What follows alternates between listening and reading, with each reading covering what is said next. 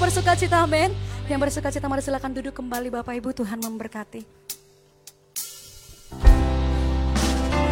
Sebab sukacita kami bukan ditentukan oleh keadaan kami Tuhan. Tapi karena ada Tuhan, penuhlah sukacita setiap kami. Yang mau bernyanyi bagi Ibu dalam sukacita Tuhan.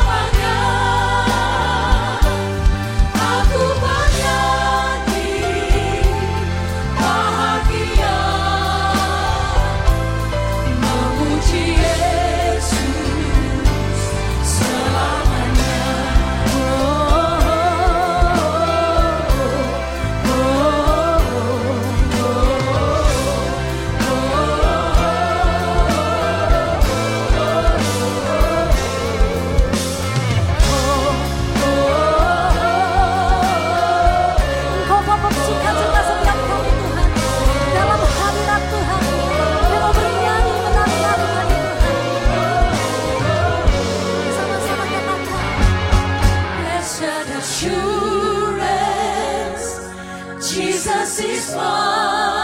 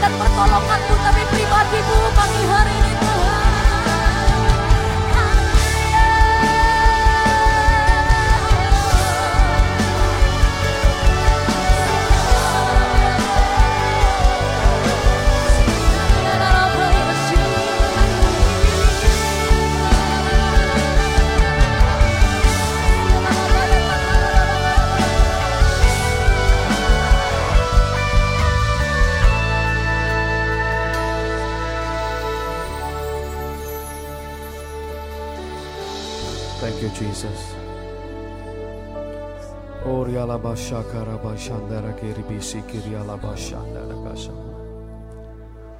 Terima kasih buat hadiratmu yang sangat indah, yang sangat lembut dan manis yang menyentuh setiap hati kami yang sedang beribadah. Baik kami yang berkumpul beberapa orang di tempat ini, maupun bersama dengan semua jemaat, sahabat, keluarga dan kerabat yang menyaksikan dan beribadah bersama dengan kami di rumah masing-masing, di tempat masing-masing. Terima kasih buat kehadiranmu di tengah-tengah mereka pada pagi ini. Thank you Jesus for your loving presence.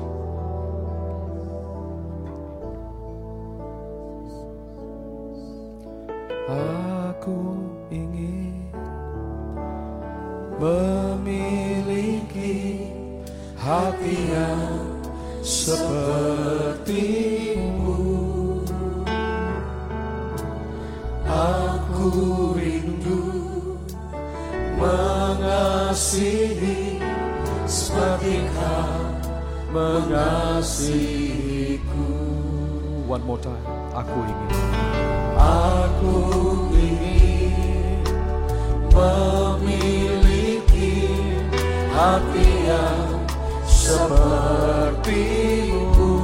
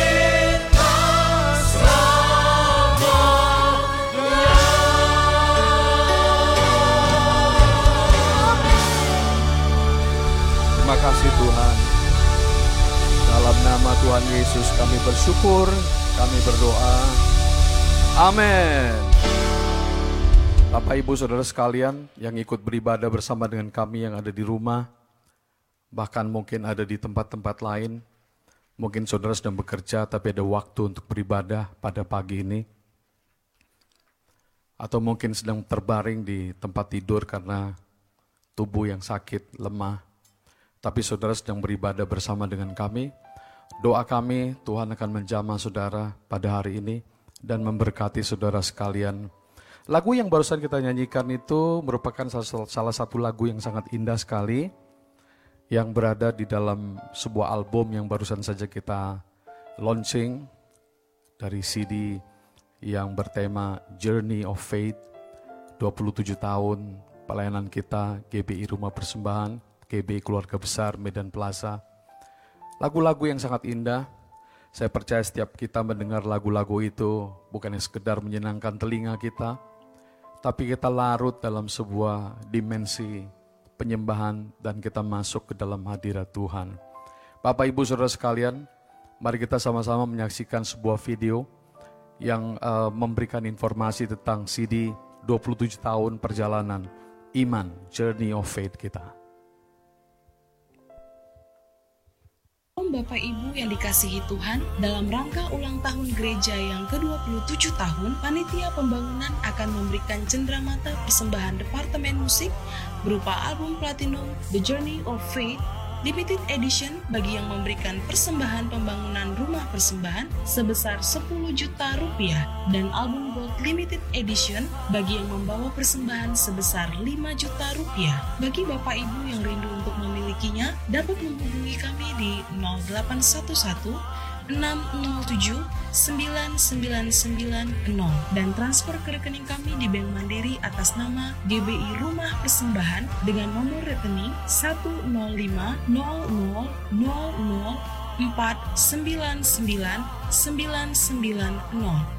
Album limited edition ini benar-benar terbatas, ditandai dengan nomor serinya. Mari miliki segera. Tuhan Yesus memberkati. Ya terima kasih. Sebenarnya masih ada dua uh, jenis uh, CD berikutnya, yaitu yang silver dengan harga 2 juta rupiah, dan kemudian satu lagi yang regular dengan harga hanya 100 ribu rupiah. Nah Bapak Ibu Saudara yang telah mendengarkan, yang telah uh, mengikuti informasi yang kami sampaikan tentang album yang sangat luar biasa ini, kami himbau untuk bisa uh, kontak ke gereja, ke alamat dan person in charge pribadi yang sudah kita sebutkan tadi. Dan semua persembahan yang masuk dari penjualan CD tersebut itu dipakai untuk pembangunan rumah Tuhan GBI Keluarga Besar Medan Plaza kami berdoa supaya ini menjadi berkat. Terima kasih untuk perhatian kita semuanya.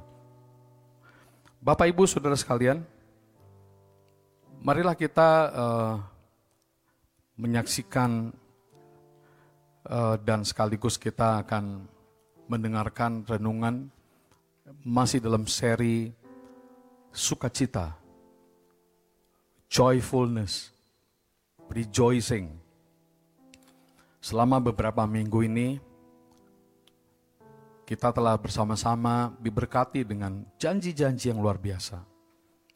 Janji tentang sukacita. Dan janji Tuhan ini adalah memang menjadi sebuah perisai buat kita.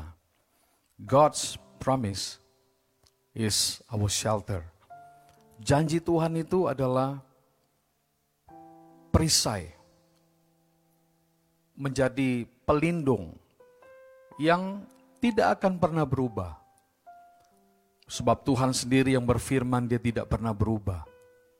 Setiap janji dalam firmannya itu adalah sangat dahsyat dan saudara tidak akan pernah kecewa. Dan kita ada hari ini, kita percaya hari ini, kita berbuah, kita bertumbuh hari ini, itu karena firman yang luar biasa yang telah menjadi perisai dalam hidup kita. Dan salah satu janji yang menjadi perisai bagi kehidupan rohani kita itu adalah kita sedang bicara tentang joyfulness. Nah pada hari ini saya ingin sharing bersama dengan kita sekalian, yaitu dengan sebuah tema yang saya ambil dari firman Tuhan sendiri, kitab Mazmur pasal 16 ayat 11. Ada cuplikan satu penggal frasa yang berkata di hadapanmu. Di hadapan siapa? Di hadapan Tuhan. Di hadapanmu ada sukacita berlimpah.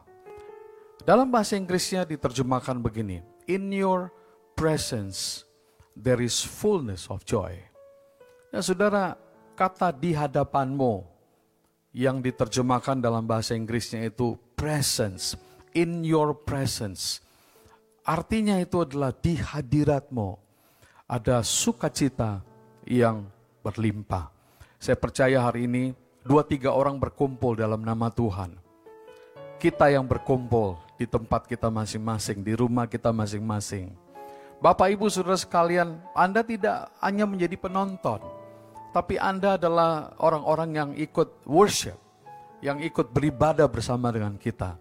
Janji Tuhan adalah dua tiga orang berkumpul dalam namaku, aku hadir, aku ada di tengah-tengah mereka. Saudara, itulah janji Tuhan. Makanya ayat ini sangat luar biasa. Ini menjadi sebuah sebuah uh, perlindungan buat kita. Janji yang saudara bisa percaya. Yang berkata, in your presence, di hadiratmu, there is fullness of joy. Ada sukacita yang berlimpah. Oke, Bapak Ibu Saudara sekalian. Apakah kehidupan kita ini tidak ada rasa sedih, tidak ada rasa duka, tidak ada rasa kecewa, tidak ada rasa penderitaan? Ada. Seperti firman Tuhan berkata di dalam kitab pengkhotbah pasal 3 bahwa untuk segala sesuatu ada waktunya. Jadi kita bukan berarti menjadi makhluk yang aneh dan tidak kenal sisi-sisi kehidupan yang lain. Ada saatnya kita menangis, ada saatnya kita tertawa, ada saatnya kita meratap, ada saatnya kita menari, dan seterusnya. Tetapi satu hal yang saya tahu, ini yang sedang para pemimpin kita uh, arahkan bahwa kita punya sebuah uh, senjata yang luar biasa, yaitu adalah firman. Pada masa-masa yang sulit ini kita tidak bisa berlindung kepada siapa pun. Tapi kita bisa lari dan berlindung kepada firman Tuhan.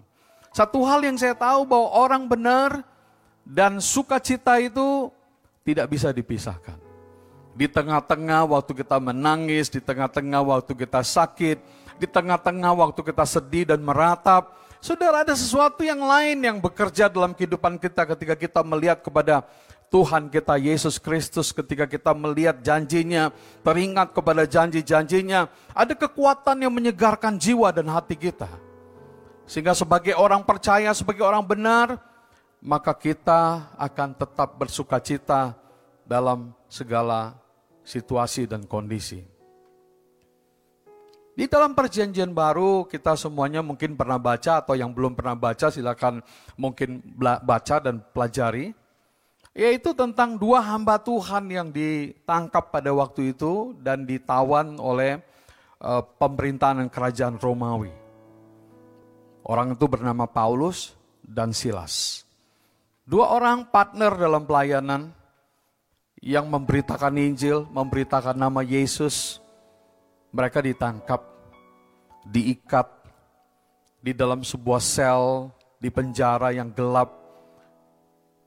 Yang mungkin tidak menyenangkan. Saudara tahu Paulus itu mobile sekali.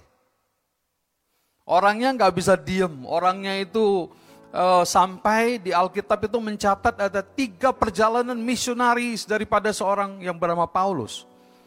Gerak terus, berjalan terus, pindah terus dari satu kota ke kota yang lain. Dia punya partner yang bernama Silas, mereka ditangkap, diikat di sel penjara yang gelap. Mungkin dipukulin, babak belur, disiksa. Wah saudara-saudara, dalam kondisi yang seperti itu, saudara bisa bayangkan ada kekuatan apa yang berada di dalam diri hamba-hamba Tuhan yang seperti ini yang tiba-tiba Alkitab berkata pada malam hari mereka mulai bernyanyi dan bersyukur kepada Tuhan. Dan ketika pujian itu naik dari hati mereka dan sukacita melimpah mengalir dari bibir mereka, mujizat terjadi. Saudara tahu bagaimana uh, rantai belenggu yang membelenggu Paulus dan Silas terlepas. Pintu-pintu penjara tiba-tiba terbuka dan mereka itu tiba-tiba malaikat berbicara kepada mereka, keluarlah. Mereka keluar, saudara. Pemimpin penjara, penjaga penjara yang pada malam itu in charge, ketakutan dan hampir membunuh dirinya sendiri karena tiba-tiba terjadi seperti gempa bumi. Saudara dari mana itu semua terjadi? Bukankah lahir dari pujian, penyembahan dari seorang Paulus dan temannya Silas. Yang lahir dari hati yang bukannya sedih, berduka, frustrasi dan kecewa, tapi lahir dari hati yang penuh melimpah dengan ucapan syukur dan sukacita. Wah, luar biasa saudara. Sampai akhirnya peristiwa itu menobatkan kepala penjara dan dia jadi orang percaya. Yang anehnya para narapidana yang lain, sel-sel mereka juga ikut terbuka, tapi Alkitab mencatat tidak ada satu orang pun yang lari meninggalkan penjara itu. The power of the praises, the power of worship. Bagaimana kuasa pujian dan penyembahan melahirkan mujizat yang luar biasa. Terbuktilah saudara, bahwa sukacita itu bukan dari diri kita, tapi sukacita itu datang dari Tuhan. Itu adalah anugerah, itu adalah sebuah karunia. Dan sukacita dalam diri mereka itu ternyata lebih kuat daripada ikatan-ikatan rantai belenggu-belenggu yang membelenggu mereka. Sehingga pada hari itu mereka sebagai hamba Tuhan menyaksikan bagaimana luar biasanya kuasa Tuhan. Jadi Bapak Ibu Saudara sekalian, there is power in the joyful heart. Ada kuasa di dalam hati yang penuh bersuka cita. Nah, saudara sekalian, mari kita melihat tentang beberapa ayat. Saya suka kita kita meletakkan percakapan kita, khotbah kita dengan ayat-ayat firman Tuhan dan itu penting sekali buat kita. Sebab kembali firman Tuhan itu adalah perisai. Janji Tuhan itu adalah perisai bagi kita yang tidak pernah berubah.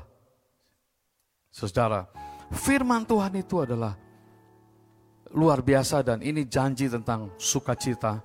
Saya ingin kita melihat yang pertama ini, waktu saya khotbah di minggu yang pertama, saya ada kutip ayat ini Mazmur 68 ayat 4 berkata, But the righteous rejoice. Orang benar itu bersuka cita. They rejoice before God.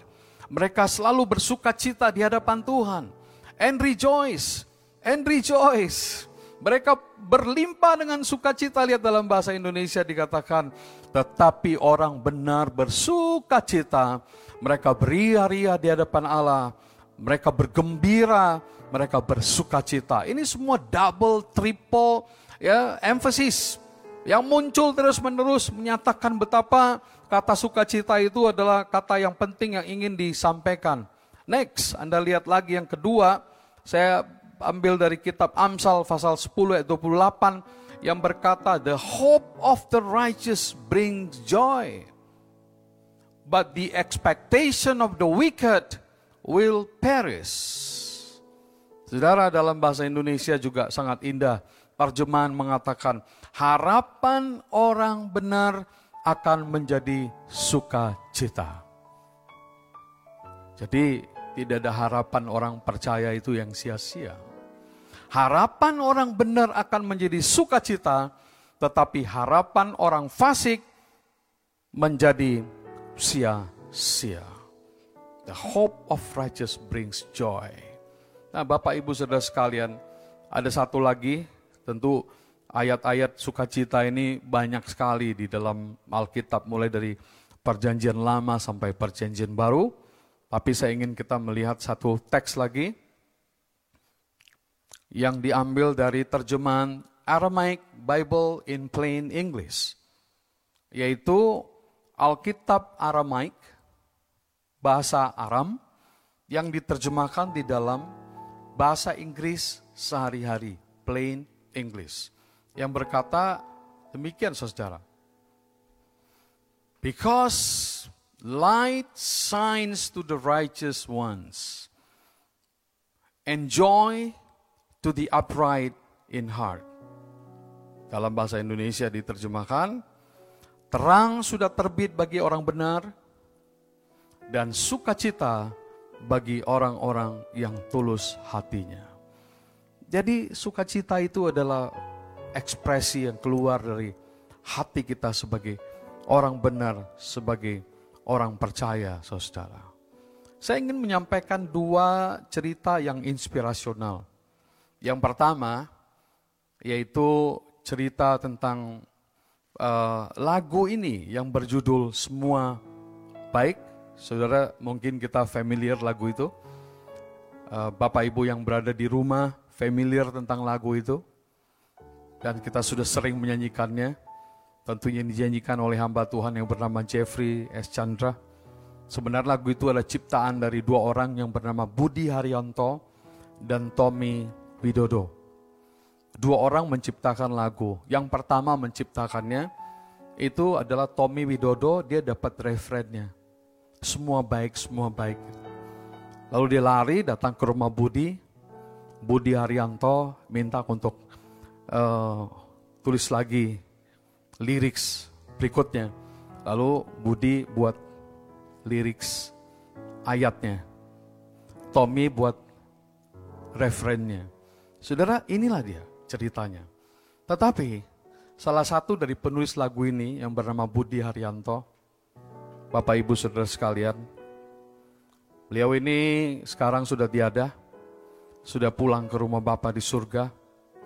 Dia meninggalkan seorang istri dan seorang anak laki-laki yang lahir sebagai seorang tunarungu yang bernama Michael. Saudara, kehidupan hamba Tuhan yang bernama Budi ini di, disertai dengan banyak persoalan. Di tengah-tengah keadaan yang begitu menekan, saudara, di tengah sakit, dia sendiri menderita penyakit jantung. Dan terakhir yang saya baca dari kisahnya, itu meninggal karena serangan jantung juga. Seorang hamba Tuhan yang begitu, saudara. Tetapi dalam keadaan hidup yang begitu tertekan, loh keluarlah sebuah lagu yang liriknya sudah sangat familiar bagi kita semua baik, semua baik. Segala yang telah kau perbuat itu baik di dalam kehidupanku. Pertanyaan kita adalah bagaimana mungkin ya? Orang biasa banyak pergumulan, susah, tertekan, sakit, anaknya juga ada cacatnya. Tapi dari luapan hatinya keluar pujian yang bernada dan kisah yang begitu indah sekali. Saya ingin kita kita nyanyikan lagu ini saudara.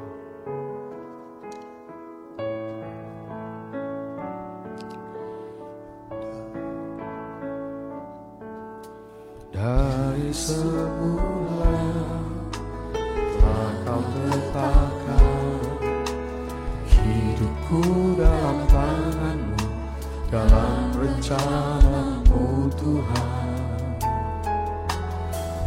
rencana indah telah kau siapkan bagi masa depan yang penuh harapan.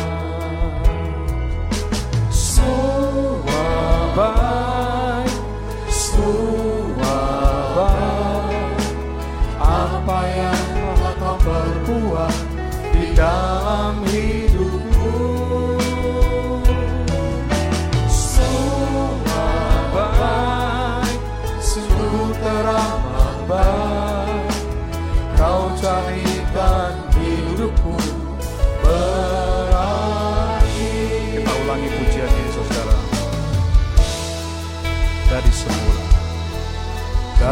semula telah kau tetapkan hidupku tanganmu dalam rencanamu Tuhan.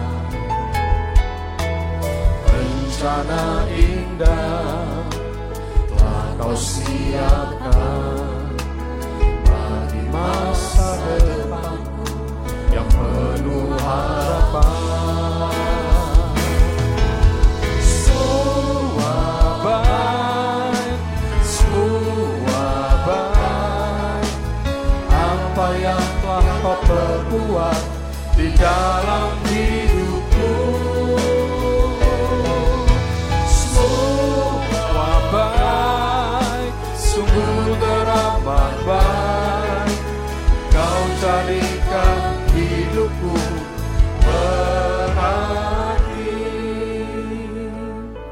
Amin Bapak Ibu Saudara sekalian. Pujian ini sangat indah sekali. Dan ini hamba-hamba Tuhan yang sederhana Yang menulis lagu ini dan akhirnya lagu ini boom meledak Dan menjadi sebuah berkat yang besar bagi gereja-gereja Saudara Tuhan bukan hanya bicara kepada kita lewat khotbah, lewat firman, tapi ketika saudara berdoa, Tuhan berbicara kepada saudara. Ketika Anda bernyanyi memuji Tuhan, saudara Tuhan berbicara kepada kita. Saya sangat menikmati album CD yang kita launching dalam rangka ulang tahun gereja kita yang ke-27. Kami sangat mendorong Bapak Ibu sekalian sekali lagi ya. Jangan lupa untuk dapatkan CD-CD tersebut. Sampai hari ini saya masih enjoy sekali. Pagi tadi datang kemari saya masih putar lagi. Masih dengar saudara. Sangat menikmati karena suasana hadirat Tuhan yang uh, lembut sekali. Tadi lagu yang kita nyanyikan, aku ingin memiliki hati yang, wah itu indah sekali ya. Ibu Santi menyanyikannya dengan begitu manis dan begitu lembut sekali. Dan apalagi di belakangnya itu ya, di ending-endingnya itu ada duet yang very special. Ya, disampaikan, dinyanyikan oleh Bapak Gembala Pembina kita. Duet yang, waduh, nanti kalau saya bilang duet maut nanti nggak enak ya. Tapi, tapi indah sekali ya. Apalagi waktu ditutup dengan satu kata yang I love you Lord. Wah. Wah, mari saudara, kita kita bersyukur kepada Tuhan karena kembali ya saya bersyukur. Saya pun kuat hari ini dalam situasi kita bersama-sama menghadapi pandemi COVID-19. Banyak masalah yang terjadi, krisis yang sedang melanda, resesi yang melanda dunia. Saudara kabar-kabar yang membuat kita takut. Tetapi Bapak Ibu Saudara sekalian, ada sesuatu yang lebih besar dari itu semua. Dan itulah yang menjadi perisai bagi perjalanan kehidupan kita, yaitu janji-janji Tuhan. Saudara kita udah sama-sama melihat satu cerita yang pertama tadi tentang lagu semua baik. Nah, apa yang membuat mereka seperti itu? Perhatikan baik. Selama ada hati yang tertuju kepada Tuhan, selama hati tetap belajar untuk bersyukur dan tetap bisa melihat kebaikan Tuhan dalam segala situasi dan kondisi, maka sikap hati seperti itu akan membuahkan sukacita yang tidak bisa dimengerti oleh orang dunia. Orang tidak akan bisa paham sampai kapan pun Paulus dan Silas menderita dalam tahanan penjara yang gelap, disiksa tapi bisa memuji-muji nama Tuhan. Orang mungkin tidak paham bagaimana seorang Budi dan temannya saudara menciptakan lagu di tengah-tengah kesulitan hidup mereka. Dan berkata, semua baik All is good. All is good. Bapak Ibu Saudara sekalian, ada satu lagi cerita yang menarik. Waktu saya sedang persiapan dan menulis konsep khotbah ini. Saya teringat kepada Nick Fujisik. Seorang penulis, seorang motivator, seorang evangelis berasal dari Australia. Terlahir cacatnya, waduh. Eh, tanpa tangan, tanpa kaki Hebatnya Nick Fujisik pernah menjadi tamu dan menjadi pembicara di gereja kita waktu berada di Medan Plaza. Oh saudara, Medan Plaza tidak muat untuk menampung kehadiran seorang Nick Fujisik. Sampai di luar-luar, sampai di pelataran, di bawah itu penuh dengan oh, jiwa-jiwa yang yang ikut ibadah dan menyaksikan ibadah tersebut. Wah daya tarik apa ini? Seorang yang yang terlahir tanpa tangan, tidak ada kaki. Ia bukan hanya menghadapi tantangan secara fisik, tapi juga saudara ada luka-luka batin yang ada di dalam hidupnya. Tapi Nick Fujisik telah menjadi inspirasi bagi banyak orang, saudara. Perhatikan dalam autobiografinya yang berjudul Life Without Limits. Hidup tanpa batasan. Maka Nick berkata, Aku dan kamu sama sekali tidak berkuasa menentukan apa yang terjadi dalam kehidupan. Kenyataan ini tidak terelakkan, tetapi kita dapat mengatur bagaimana kita merespon. Now listen, dengar baik. Bapak Ibu Saudara sekalian. Anda yang mendengar, Anda yang ikut ibadah, Anda yang dalam perjalanan, baik yang ada di Sumatera Utara, Jakarta, seluruh Indonesia, bahkan mungkin di seluruh sahabat-sahabat uh, kita yang berada di luar negeri yang sedang mengikuti ibadah kita, Malaysia, Singapura, mana Amerika atau di mana pun saudara berada, dengar baik-baik. Yang penting adalah respons. Bagaimanakah respons kita? Bagaimanakah sikap balik kita menghadapi situasi? Dan hari-hari ini tuntunan yang turun buat kita adalah untuk mengerti betapa sukacita yang Tuhan berikan itu menjadi perisai dalam perjalanan hidup kita. Kita kita harus respons. Kamu dapat ditenggelamkan oleh ombak raksasa atau kamu dapat berselancar di atasnya sampai ke pesisir itu tergantung dari respon kita saudara. Nah ini kita lanjutkan lagi. Di tengah penderitaan Paulus, dia mampu untuk bersuka cita di dalam Tuhan. Mengapa Paulus bisa bersuka cita? Mungkin itu pertanyaan kita. Bapak ibu saudara sekalian ada banyak alasan. Tapi salah satu adalah sebagai hamba Tuhan, sebagai orang percaya, kita juga kita harus mengerti. Filipi 4:13 berkata, "Segala perkara dapat kutanggung di dalam Dia yang memberikan kekuatan kepadaku."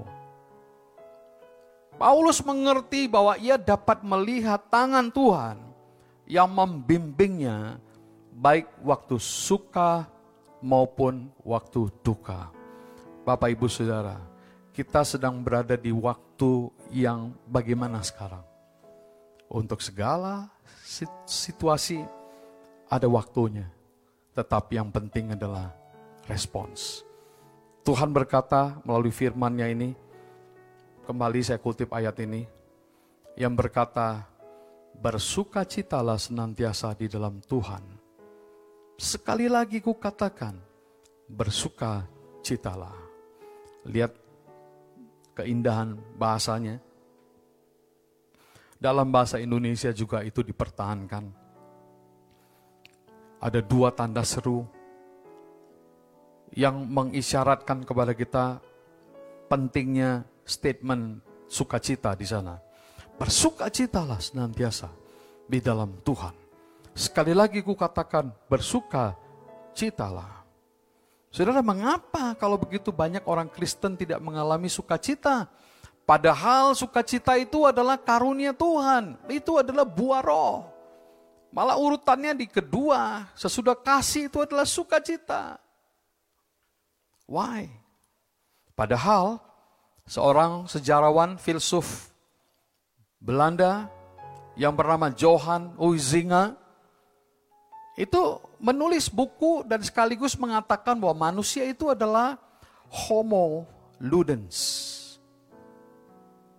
yang artinya manusia itu adalah manusia yang bermain-main. Penuh sukacita. But why?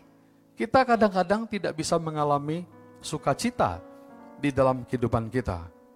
Bapak Ibu Saudara sekalian, maka dalam sebuah buku yang berjudul Love Again, tertawa lagi, yang ditulis oleh hamba Tuhan yang bernama Charles Swindoll, dia berkata ada tiga hal yang sering menjadi pencuri sukacita. Ya, ini saudara alami, saya alami, kita alami bersama. Tapi perlu kita mapping hari ini. Kita perlu membuat sebuah peta bahwa ada tiga hal yang sering menjadi pencuri sukacita. Apa saja itu? Yang pertama adalah kekhawatiran, yang kedua adalah tekanan batin, dan yang ketiga adalah ketakutan. Tiga hal. Pernah khawatir? Pasti pernah. Pernah tertekan hidupnya, batinnya? Pasti pernah. Pernah ketakutan? Wah udah pasti. Oke, mari kita lanjut. Maka Swindoll membuat definisi kekhawatiran adalah kegelisahan yang berlebihan. Kita semuanya kadang-kadang gelisah berlebihan, padahal itu keliru. Yang kedua, tekanan batin itu diartikan sebagai ketegangan yang berlebihan juga. Nervous yang berlebihan.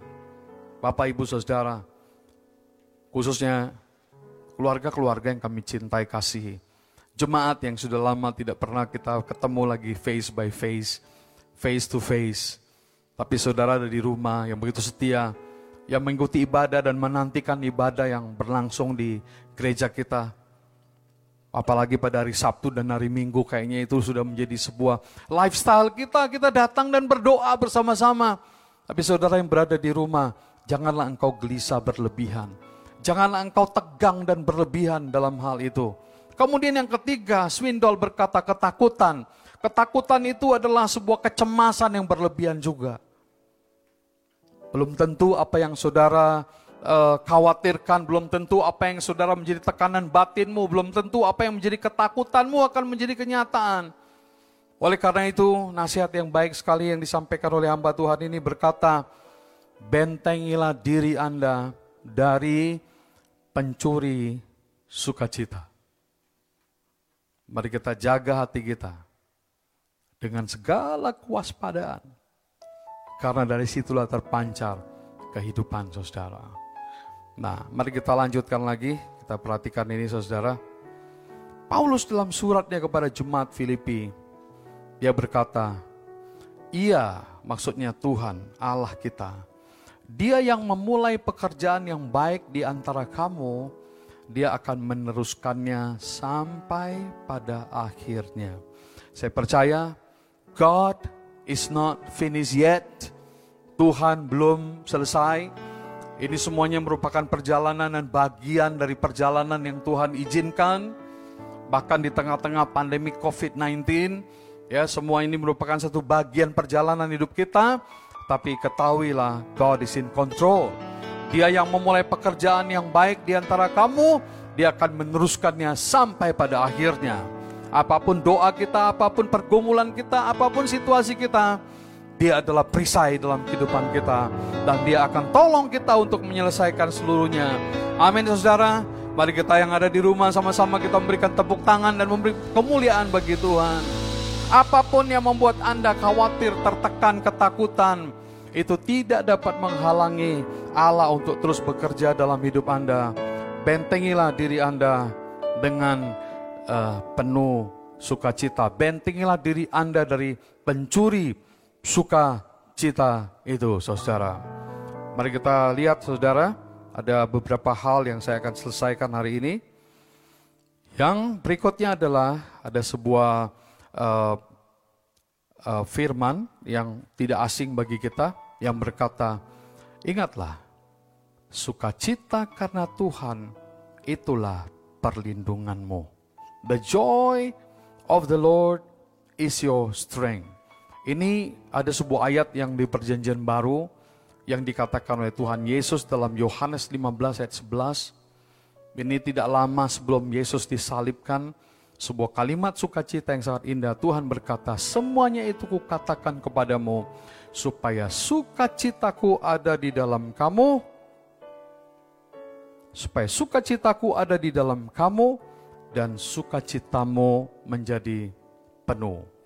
Bapak Ibu Saudara sekalian, ketika dihadapkan pada pilihan antara mengasihani diri atau bersukacita, marilah kita memilih untuk bersukacita. Pada hari ini kita memilih sukacita. Nah, saya melihat ada beberapa hal yang penting pada hari ini, yaitu kita harus mengerti bahwa di hadapan Tuhan, ada sukacita yang berlimpah-limpah. Amin, Bapak Ibu, saudara sekalian. Saya ingin kita langsung saja akan uh, uh, menutup uh, khotbah ini. Saya akan tutup dengan uh, satu statement yang yang ditulis oleh David McCasland berkata, mulailah kita membuat daftar sukacita kita hari ini. Mungkin gak mudah, tapi mulailah kita membuat daftar sukacita. Dan hitunglah. Daftar itu dapat mengingatkan Anda tentang kasih setia Tuhan. Setiap satu sukacita, kita akan teringat Tuhan yang menjadi sumber sukacita di dalam hidup kita. Ayat yang terakhir Mazmur 16:11 ini tema utama saya tadi pagi yang tadi di awal itu lengkapnya berbunyi demikian. Engkau memberitahukan kepadaku jalan kehidupan. Di hadapanmu ada sukacita berlimpah-limpah, joy in abundance, dan di tangan kananmu ada nikmat senantiasa. Bapak, Ibu, Saudara-saudara sekalian, apakah kita hari ini membutuhkan anugerah dan sukacita dari Tuhan? Tentu mari kita membuka hati kita semuanya bersama-sama. Mari kita siapkan hati kita, siapkan roti dan anggur untuk perjamuan kudus kita bersama-sama. Saya ingin kita sebentar mengambil waktu untuk tenang. Mari kita semuanya berdiri di tempat di mana kita berada. Thank you, Jesus.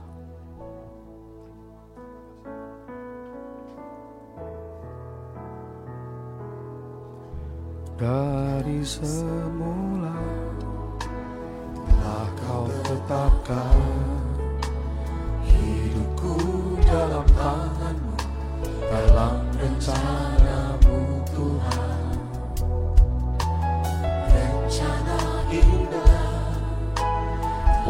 bagi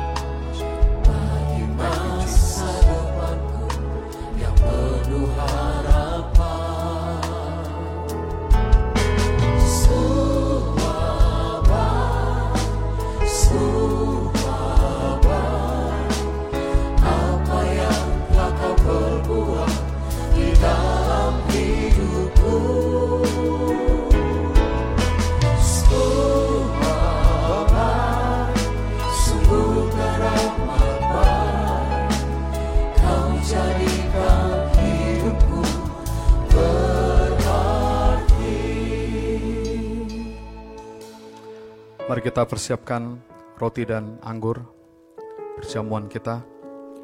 Sebab apa yang kuteruskan kepadamu pada hari ini, aku terima dari Tuhan. Tuhan Yesus pada malam waktu ia diserahkan, dia mengambil roti. Dan sesudah itu ia mengucap syukur atasnya. Ia memecah-mecahkannya dan berkata, Inilah tubuhku yang diserahkan bagi kamu. Perbuatlah ini menjadi peringatan akan aku. Bapak ibu saudara sekalian bukankah roti yang atasnya kita ucapkan syukur merupakan persekutuan kita di dalam tubuh Kristus? Makanlah.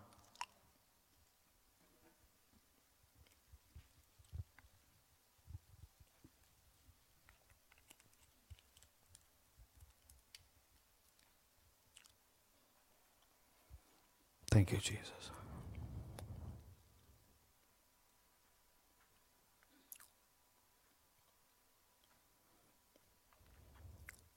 Demikian juga dia mengambil cawan, sesudah makan roti itu, lalu dia berkata, Cawan ini adalah perjanjian baru yang dimateraikan oleh darahku. Perbuatlah ini setiap kali kamu meminumnya menjadi peringatan akan aku. Bapak, Ibu, Saudara sekalian, bukankah cawan yang atasnya kita ucapkan syukur, merupakan persekutuan kita di dalam darah Kristus? Minumlah.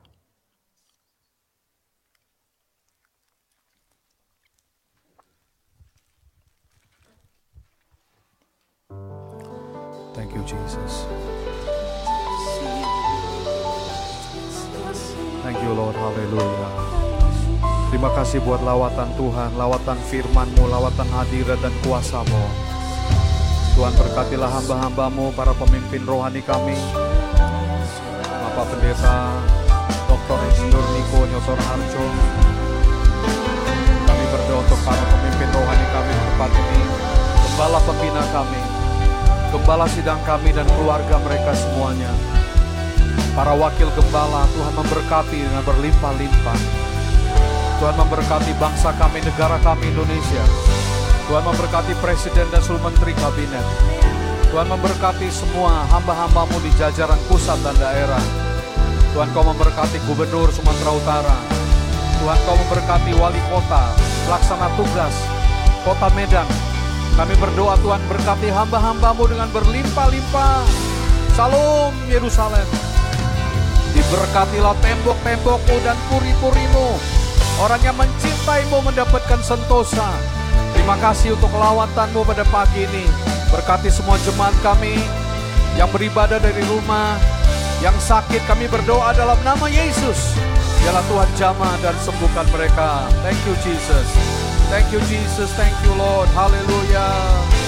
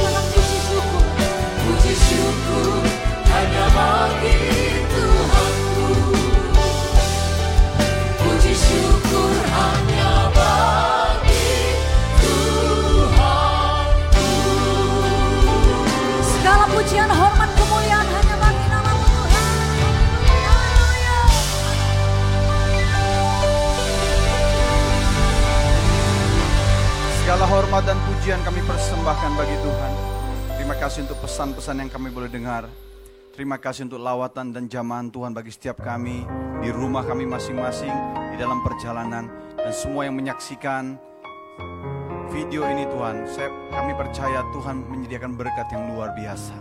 Terima kasih Tuhan, sempurnakan seluruh ibadah kami. Dan bila kami akan mengakhiri ibadah ini, Bapa di surga bukakanlah tingkap-tingkap langit. Kiranya Tuhan berkenan mencurahkan semua yang terbaik Bapak yang dikasih Tuhan, angkat kedua tanganmu. Harapkan sesuatu dari surga. Terimalah berkat. Berkat kasih karunia itulah kekuatan yang berlimpah-limpah dari Allah Bapa. Di dalam putranya yang tunggal Tuhan Yesus yang memberikan kasih yang sempurna. Dan dalam persekutuan yang manis bersama roh kudus yang akan memberikan kita sukacita abadi. Hari ini Maranatha bahkan sampai selama-lamanya semua yang percaya sama-sama katakan Amin. Teruslah bersuka cita sebab Tuhan selalu ada bagi kita. Shalom.